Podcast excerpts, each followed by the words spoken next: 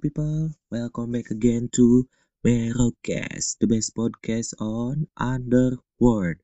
Oke brody brody, brosis brosis, sista sista, people people, everything, pokoknya semuanya kembali lagi bersama gua Sansan, host kebanggaan kalian. Waduh, bangga dari mananya tuh bang, bang. Hah, oke. Kali ini sedikit berbeda ya episode kali ini karena apa? Karena gua di sini cuman sendirian alias gua bermonolog ya karena waktu beberapa minggu lalu kita membuka Q&A di Instagram kita at merokes.network. Nah di situ ada salah satu pendengar kita people people itu komen kayak gini, kayaknya kalau sendiri-sendiri gitu hostnya kayaknya lebih seru deh kayaknya gitu dia bilangnya jadi soalnya tuh dia nantang gitu kalau Merokes ini gak bisa sendiri-sendiri nih hostnya nih harus berdua terus. Oke, sekarang ya kita coba dulu salah satu episode pertama dan mungkin nanti akan ada lanjutan-lanjutannya ya untuk sesi monolog alias berbicara sendiri seperti namanya mono mono itu satu ya. Hah, oke. Kali ini gue mau bermonolog soal farewell atau perpisahan. Hmm karena menarik juga nih ngomong-ngomong. Soalnya lanjutan dari episode sebelumnya yang di mana itu adalah dark side of love alias sisi gelap cinta tuh di situ membahas apa ya after effect setelah putus gitu. After effect setelah berakhirnya suatu hubungan ya.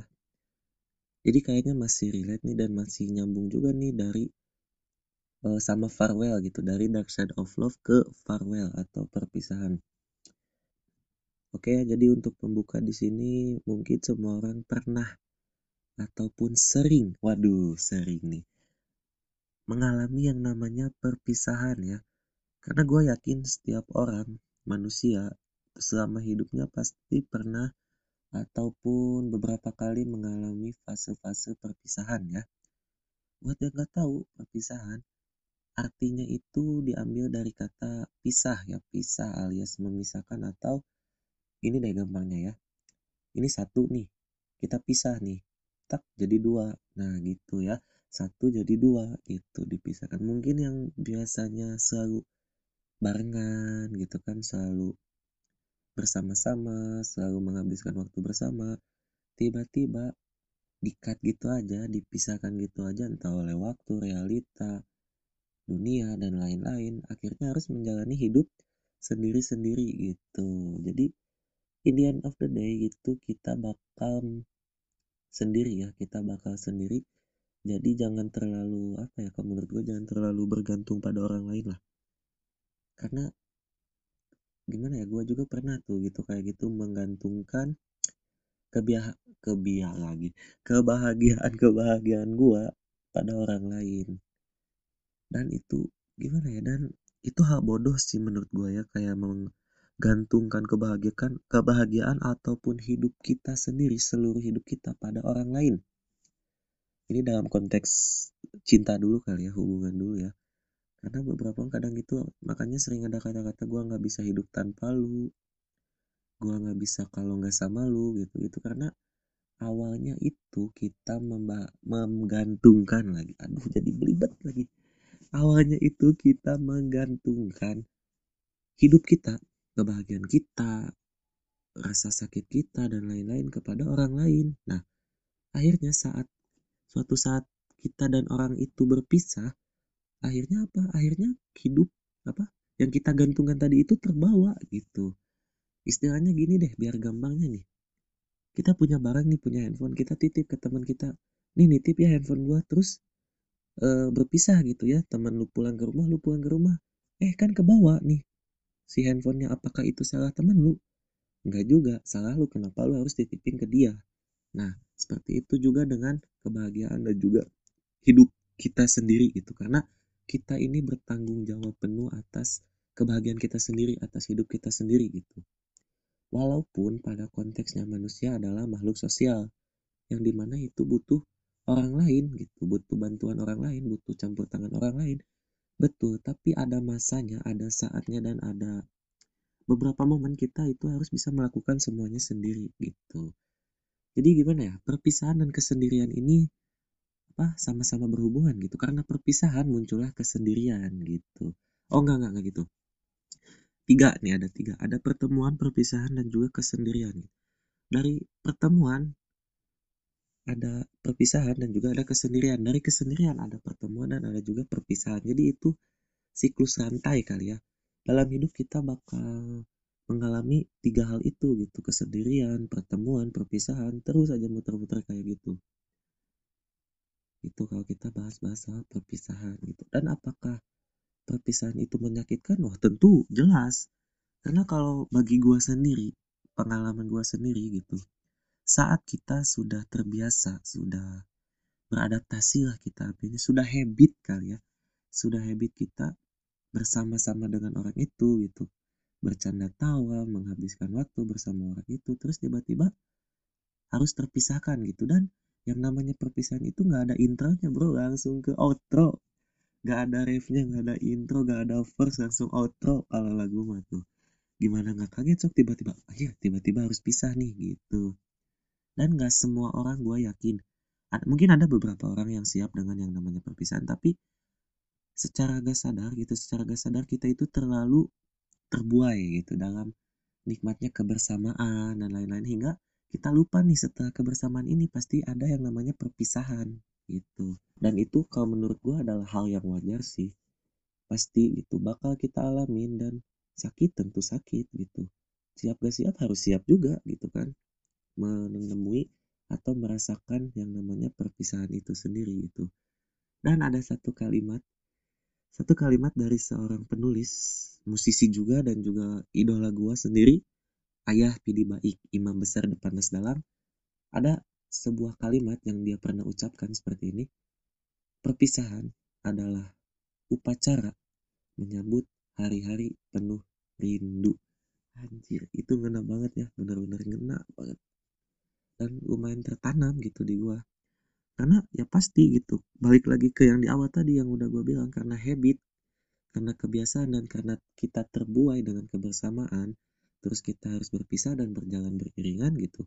Lu ke kanan gue ke kiri gitu lu ke barat gue ke timur dan lain-lain akhirnya akan tumbuh rasa rindu gitu. Rindu akan kebersamaan itu akan rasa-rasa itu di waktu itu. Dan walaupun kita rindu belum tentu juga kita bisa mengulangi hal-hal itu begitu. Karena kadang ya kadang di dalam hidup kita tuh ada yang namanya penyesalan dan dari penyesalan itu kita ingin mengulang kembali nih. Mengulang kembali apa yang sudah terjadi dan menurut gue itu hal wajar aja sih gitu. Karena eh, yang namanya perpisahan itu kan ada apa setelah perpisahan ada kesendirian. Nah, dalam kesendirian itu kita harus ikhlas gitu, ikhlas dengan apa yang terjadi. Oke, bagi hidup gua pribadi ya, yang namanya ikhlas tuh apa ya, agak fana mungkin ya, fana atau abu-abu gitu bagi gua. Karena gua sus bener-bener susah yang namanya mengaplikasikan gitu. Mengaplikasikan keikhlasan itu dalam hidup gua setelah gua mengalami yang namanya perpisahan gitu. Gua susah susah banget buat ikhlas gitu karena bagi gua dan juga se apa beberapa pengalaman gua ke belakangan ini gua nggak pernah benar-benar ikhlas loh dalam uh, dalam perpisahan dalam kehilangan. Karena yang ada bagi gua itu adalah keterpaksaan aja sih. Karena keterpaksaan gitu apalagi konteksnya kalau benar-benar dipisahkan oleh maut. Nah kalau udah maut kita mau gimana coba ya kita mau nangis darah mau kejar-kejar mau teriak-teriak kita mau uh, apa mengeluh kita mau sumpah serapah gimana gimana juga nggak bakal bisa balik lagi. Ya udah gitu gimana lagi? Kita tahu nih logika kita tahu ya udah ini gak bakal balik lagi loh. Tapi hati kita tuh kadang pikiran dan hati itu gak sinkron. Hati kita kayak duh tar dulu deh gitu. Gue belum bisa ngasih ini itu ini itu contoh contohnya kayak pengalaman gue dua tahun belakangan inilah. Gue kehilangan dua orang kakek gue kakek dari nyokap dan juga kakek dari bokap yang waktunya itu cukup berdekatan gitu. Pertama gue kehilangan kakek gue dari bokap gitu ya. Jadi dibilang shock ya shock banget gitu. Dan dibilang ikhlas sampai sekarang pun gue sebenarnya nggak ikhlas gitu. Cuman karena terpaksa gitu ya karena ya udah maut yang berbicara gitu akhirnya gue terbiasa dengan ketiadaan sosok kakek gue di uh, rumah gue nih di rumah gue yang di Subang di kampung halaman gue balik lagi di awal karena kita kebiasaan ya habit jadinya. Terus terbuai dengan kebersamaan karena gue tiap pulang ke Subang ya buka pintu selalu ada sosok kakek gue gitu. Gue salim ngobrol-ngobrol gimana gimana pas dia tiada kan gue harus adaptasi lagi. Udah mah gue tak tahu sendiri gue orangnya ada males adaptasi lagi sama hal, hal baru gitu. Bukan males sulit mungkin ya agak sulit. Tapi bukan berarti nggak bisa juga bukan berarti mustahil juga gitu. Cuman agak sulit untuk adaptasi dengan hal-hal baru gitu ya. Apalagi dalam menyangkut habit ini kebiasaan ini gitu. Biasanya kan gue buka pintu salim apa apa ada kakek gue terus tiba-tiba waktu beberapa minggu kemudian atau beberapa bulan kemudian gue buka pintu sosoknya udah nggak ada nih gitu. Kok cepet banget diambilnya ada pertanyaan-pertanyaan kayak gitu. Cuman lama-lama sekali dua kali tiga kali empat kali kayak oh ya udah gitu. Udah nggak ada gimana lagi ya udah cuman bisa doain aja gitu. Sama halnya kayak kakek gue yang di nyokap nih. Kebetulan gue tinggal bareng kakek gue juga. Yang biasanya gue bangun tidur ngambil sarapan atau nyeduh kopi ada kakek gue lagi muter-muter radio lagi dengerin lagu-lagunya Kus Plus, The Beatles, God Bless dan lain-lain gitu. Terus tiba-tiba diambil oh, sama yang di atas dan tiba-tiba nggak ada tuh kayak kok nggak ada nih orang yang muter-muter radio gitu. Karena ya udah kebiasaan tiap harinya kayak gitu gitu kan gue liatnya kayak gitu udah tertanam juga di memori gue tiba-tiba nggak ada gitu. Terus gue mau gimana gitu kan? Mau marah-marah sama yang di atas kenapa cepat-cepat diambilnya? Kan nggak gitu juga konsepnya gitu. Jadi kalau buat gue kalau kita simpulin buat gue keikhlasan itu fana gitu. Karena yang adanya hanya terpaksa dan kemudian terbiasa. Kalau ngomong-ngomong soal cinta nih perpisahan soal cinta itu mungkin bisa diulang lagi nih. Karena kan kata Yapidi juga menyambut hari-hari penuh rindu gitu. Waktu kita lagi merasakan rindu itu apa apakah kita bisa balik lagi? Tentu saja bisa karena tidak ada yang tidak mungkin gitu. Cuman kalau menurut gua bisa balik lagi. Cuman rasa-rasa itu nggak bakal bisa diulang lagi. Momen-momen itu hanya sekali seumur hidup gitu loh. Jadi jadi mending kita manfaatkan momen-momen itu sebagai ingatan dan memori yang suatu saat saat kita buka kembali si memori ini kita sudah bisa tersenyum gitu lah dulu gini ya dulu gini ya. Sama halnya kayak perpisahan dengan teman gitu apalagi zaman sekolah nih. Zaman sekolah kita kan eh, yang wajib 12 tahun ya SD SMP SMA gitu. Bayangkan udah berapa belas tahun waktu yang kita buang bukan buang sih. Waktu yang kita habiskan aduh mulut mulut mulut mulut. Waktu yang kita habiskan untuk menimba ilmu gitu. Tapi gak cuma menimba ilmu kan kita juga bertemu orang-orang baru gitu. Istilahnya berjuang bersama lah gitu. Misalnya SD 6 tahun SMP 3 tahun SMK 4 tahun gitu. Pasti ada yang nanya nih loh kok SMK nya 4 tahun? Ya emang gua 4 tahun gitu. Gak naik bang bukan bukan gak naik karena jurusan gua itu 4 tahun lah gitu hanya gua lumayan lama SMK nya tua di sekolah juga. Aduh tapi gak apa-apa lah ya sebanding dengan ilmu yang didapat.